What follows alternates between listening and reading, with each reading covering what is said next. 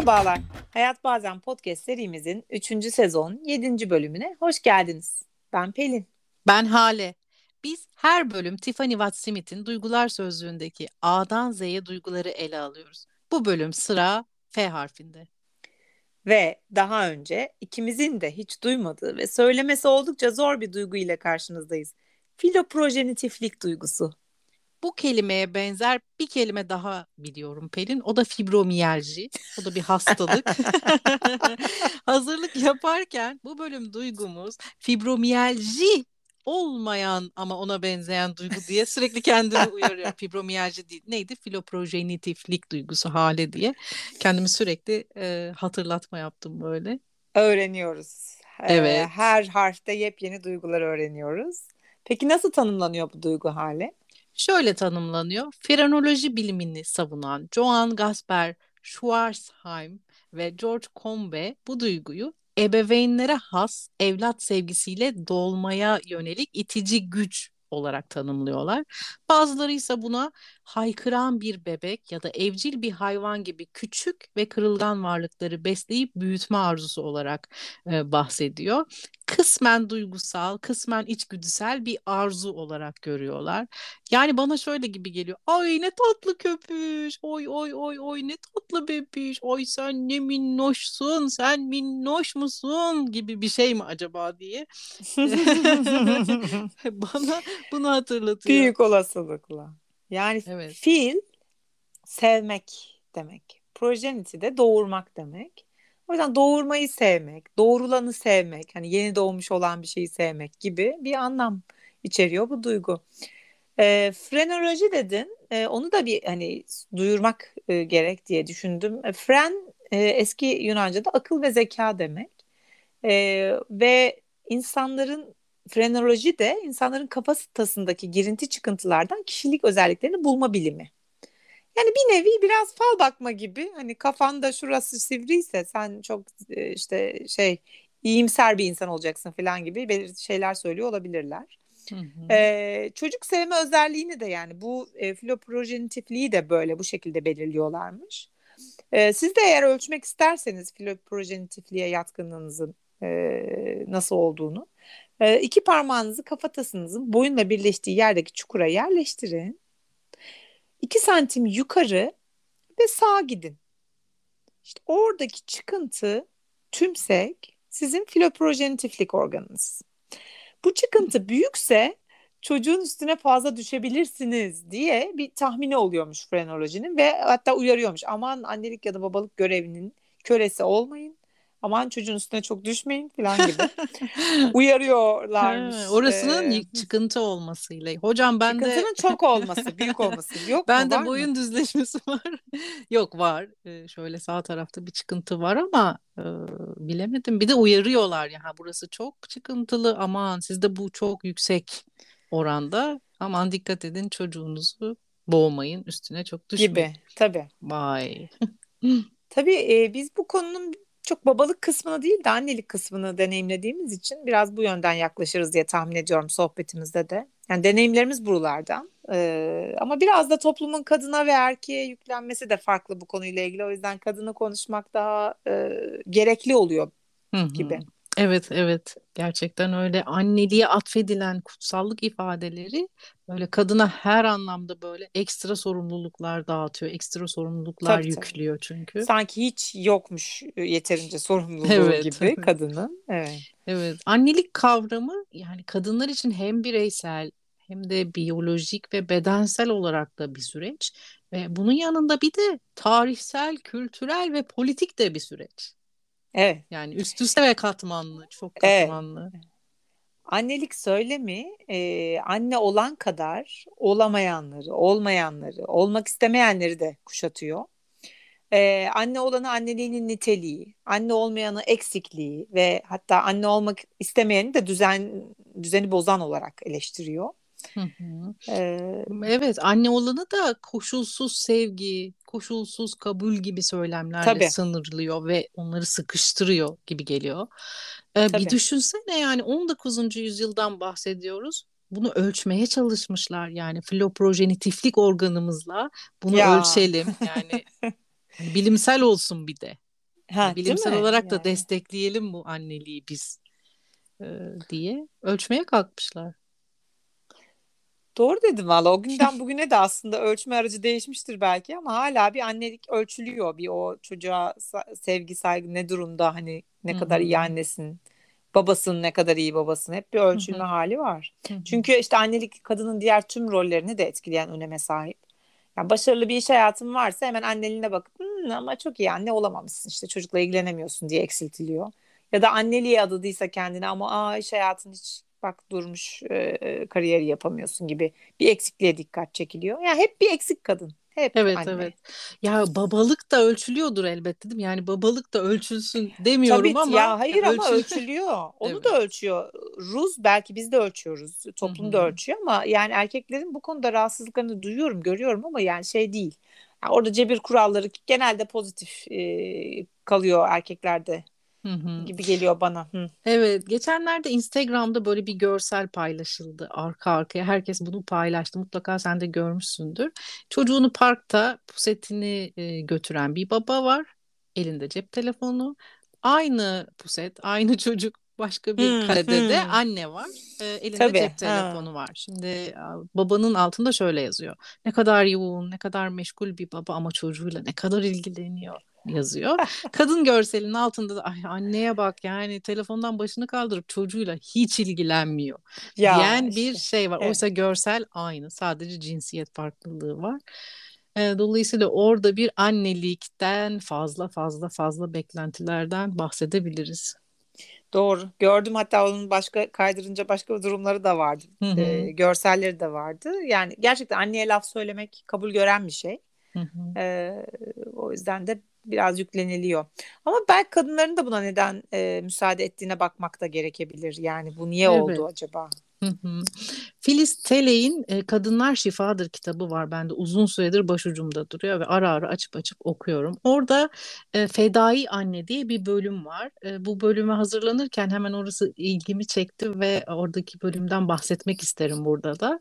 Orada şöyle diyor. Anneler kutsaldır, Anneler kendilerini feda ederler, saçlarını süpürge ederler, kendilerinden vazgeçerler. Anneliğin bütün önceliği çocukları olmalıdır. İşte gerekeni yapan annedir. Anneler yemez yedirir, giymez giydirir diye bir anne modelinden bahsediyor ve hmm. hatırlarsan birkaç bölüm önce de biz bir diyarkamlıktan bahsettik. Yani kendini feda eden iyimserlikten, hmm. duygusundan. Hmm. E, tam da öyle işte gerçekten anneliğin ulviliği duasında mı var? Yoksa sosyal bir kurgu mu bu annelik diye soruyor, sorgulatıyor. Hı hı. Ee, bir yandan da kadınların sadece annelik rolüne sıkışıp diğer tüm parçalarını rüzgara bırakması gerekiyor mu diye de bir sorguluyor ve sorgulatıyor.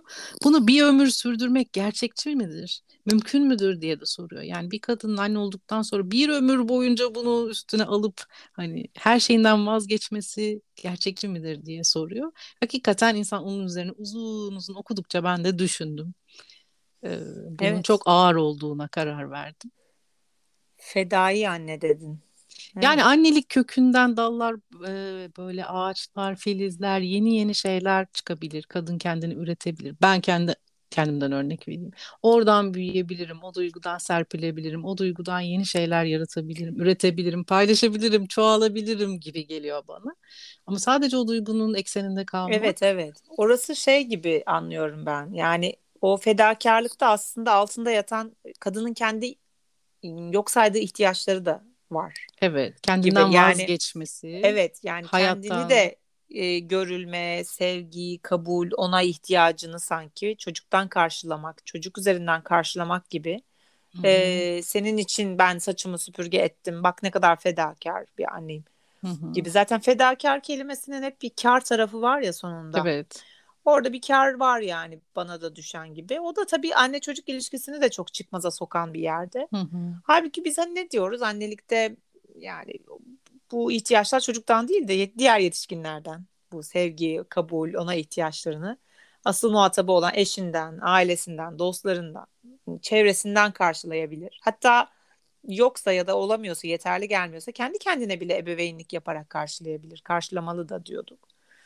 Evet, yani bir tek annelik Hı. Bir tek anne olarak var olmamak hayatta sanki bana daha iyi geliyor. Yani bu tabii benim penceremden. Sadece anne olarak var. Ben anneyim, kadınım, çalışanım, işte yazarım, çizerim, okurum, söylerim, anlatırım. Evet. Yani hayatla bağ kurmak Dozunda için bir şey. sürü evet, evet bir sürü köprüm var, bir sürü bağım var, bir sürü ipim var e, gibi geliyor. Evet, annelik duygusu dozunda iyi ki söyledin. Dozunda makbul gerçekten. Ee, sana Pelin ben annelik duygusunun bana nasıl geldiğinden bahsetmek isterim. Tabii öncesinde hep anne olmak isteyen biriydim. Hep bebeklerine işte böyle süsleyip püsleyip annecilik, bebekçilik oynayan bir kız çocuğuydum ben. Ee, ama gerçek anlamda hissettiğim yoğun duygu doğum anında, doğum esnasında hmm. gerçekleşti. Tabii. Bebek doğmuş, ağlıyor böyle ve onu alıp yanağıma getirdiler. Böyle yan, yanak yanağa geldiğimiz an bir anda sustu ve tanıdı beni. Yani halbuki göz göze gelmedik yani. Sadece tensel bir şey. Muhtemelen kokumdan falan falan. Ee, ama bana gelen duygu şu oldu. Bu o kadar minik, o kadar bakıma muhtaç, o kadar işte sevgiye ihtiyaç ki e, içimden böyle kocaman bir duygu kopup geldi ve insan dedim ne olursa olsun tüm bebeklere bakabilmeli. Yani senden olmasına, benim bedenimden çıkmasına hiç gerek yok. E, sadece benim bebeğime bakmam anneliğim değil tüm bebeklerin ihtiyaçlarını e, yani sadece kendi çocuğumu sevmem mesele değil ki ben bütün çocukların e, bu anne sevgisine e, benden ya da başkalarından hani ulaşması gerektiğine o an öyle bir duygu geldi bana. Ve herhalde böyle epiduralin de etkisiyle hemen eşimi ilk gördüğüm an onu söyledim. İnsanlar bebeklere bakmalılar yani o sıcaklığı onlara vermeliler diye düşündüm. Tabii o dönemde e, benim e, hamileyken öğrencilerim arasında e, koruyucu ailesi olan çocuklar vardı. Belki bu beni çok etkilediği için e, hmm, öyle hmm. bir a, e, duygu o an o an çok sıcak bir şekilde geldi. O yüzden evet bütün bebekler e, bir anneye ihtiyaç duyarlar. Anneliğin anneliğe ihtiyacından çok her bebek bir anneye ihtiyaç duyar gibi böyle bir sıcaklık gelmişti bana. Senin annelik duygun ne zaman hissettin? Nasıl geldi? Valla çok güzel anlattın. Ee, ben de kendi sürecime gittim zaten orada ben ne zaman hissettim diye ama benim sanki o senin de dediğin gibi yani anne olmadan önce ya böyle bir, bir gün var aklımda ve ben o gün uyandım ve Aa, ben anne olmak istiyorum dedim. Yani böyle bir bir anda öyle bir duygu geldi. Ondan önce hiç öyle bir şey yokken.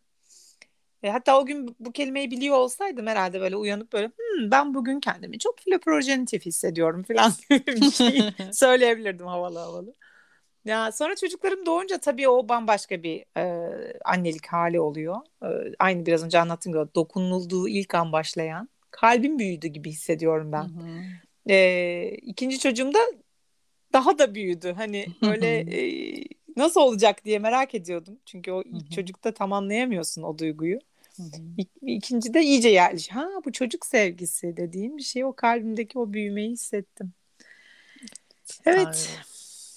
O zaman gel hadi biz bir de sanattaki filoprojenitiflik duygusunu arayalım oraya oralara bakalım. Tabii ben hemen öyle deyince aklıma tabii ki tiyatro sanatı geliyor. Hı-hı. Bertolt Brecht Kafkas Tebeşir Dairesi e, diye bir oyunu var. E, ve Kafkas Tebeşir Dairesi'nde e, ana e, eksen üretilen üretenindir. Yani işçinin, emekçinindir. Buğday onu yetiştirenindir. E, onu satanın değil düşüncesinden yola çıkıyor özünde. Ama tartıştığı asıl önemli konulardan biri de çocuk doğurup da ona onu terk eden annenin midir yoksa onu terk edildiği yerde bulup onu yetiştirip büyütenin midir? Hmm. Ee, çocuğu bırakıp giden anne onu büyüten annenin yanına gelip çocuk benim orada bir hak şeyine giriyorlar. Hayır benim benim benim hmm. benim diye ve seyirciyi de öyle bir konuma sokuyor ki e, baştan şey demiyor o haklı bu haksız demiyor. Seni bütün oyun boyunca ya o da haklı evet ya bu da haklı bu da haklı. Yani öyle bir çatışmanın içine sokuyor ki seni e, gerçekten çok kıymetli bir oyun. Yani Bertolt Brecht de çok değerli bir tiyatro insanı, tiyatro adamı. Yani zaten el atmadığı herhangi bir şu an günümüzde de hala problem olarak devam eden bir konu yok sanırım. Evet, yani evet, her evet. konuyu Evrensel. işlemiş zaten evet zamanında. Hala bugün hala aynı sorunları yaşıyoruz. Evet, evet. evet gerçekten e, bu annelik kavramı e, deyince aklıma hemen e, aklıma ilk gelen oyun Kafkas Tebeşir Dairesi hmm. oldu. Senin var mı sanatta e, örneklerini aradığında? Ya resimde şeyi bilirsiniz ya böyle mutlu aile tabloları. Hı hı. Ee, onların her biri zaten bir içimi dolduruyor benim o florprogenitiflik duygusuyla. Ee, Eugenio Zampighi e, hı hı. İtalyan ressam. Onun bütün eserleri böyle.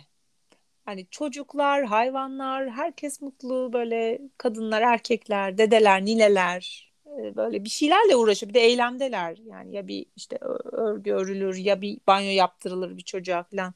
Onu görünce gerçekten bu duyguyu ben içime doğmuş hissediyorum.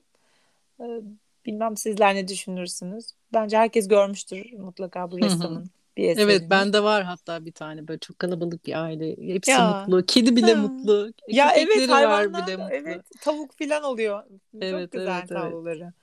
Evet. Ee, film var mı diye düşünüyorum. Hani hmm. dizilerden var tabii ki çok vardır da hani aklına senin gelen var mı?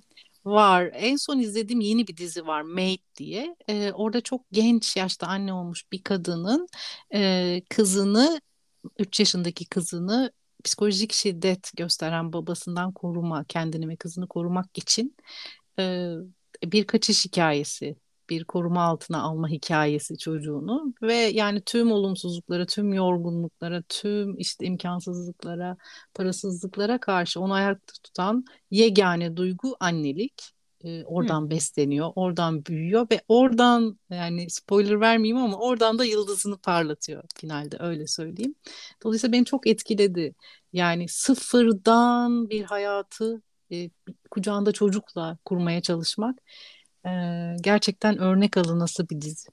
Ee, bu aralar beni etkileyen dizilerden biri. Senin var mı film ya da aklına gelen hmm. dizi? Ya ben en, en çok aklıma şey e, Marley and Me diye bir film var. İzledim mi bilmiyorum. Böyle hem çoluklu hem çocuklu hem e, köpekli falan. Böyle biraz da sorunlu bir köpek oradaki Marley. E, yani finali böyle ağlamalı mutlaka yanında işte peçetelerle oturacağım bir film ve gerçekten hani çocuk sahibi olayım, aile olayım. E, bir de işte köpeğim de olsun, kedim de olsun falan dedirtiyor.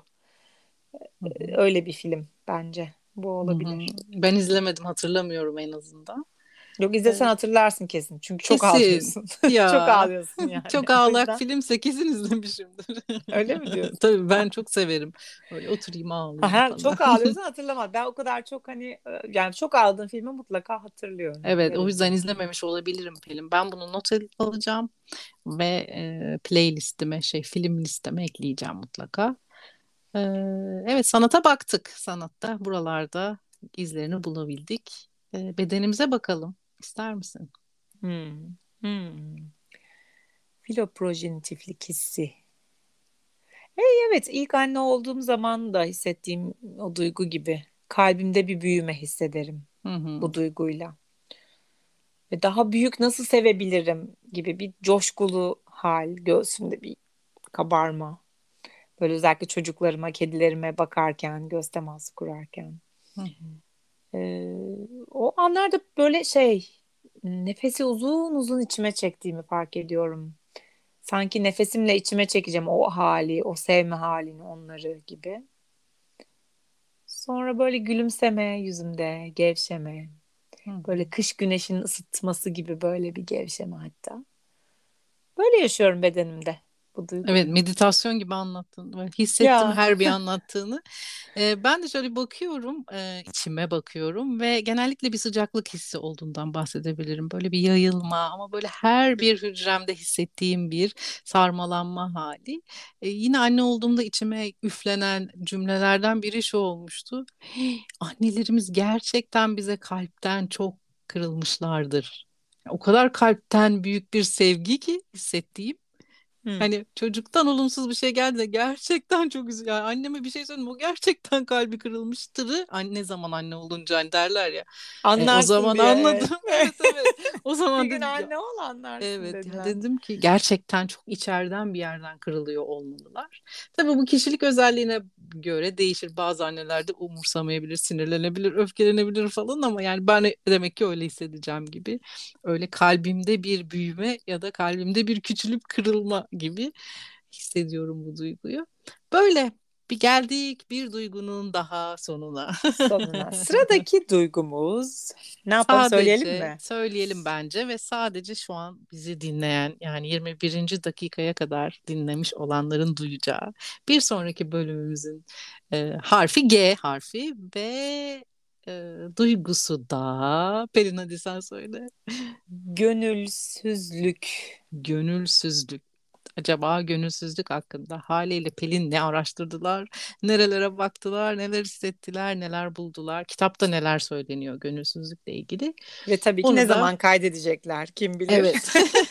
bu da yeni Ve, bir soru evet. olabilir. Bakalım bunu ne zaman paylaşacağız. Ama bu demek oluyor ki niyet ve yol yolculuğumuz devam ediyor. Evet. Bir sonraki harfte, bir sonraki bölümde yeniden buluşmak dileğiyle Kendinize Görüşmek iyi üzere. bakın. Hoşçakalın. Bye bye.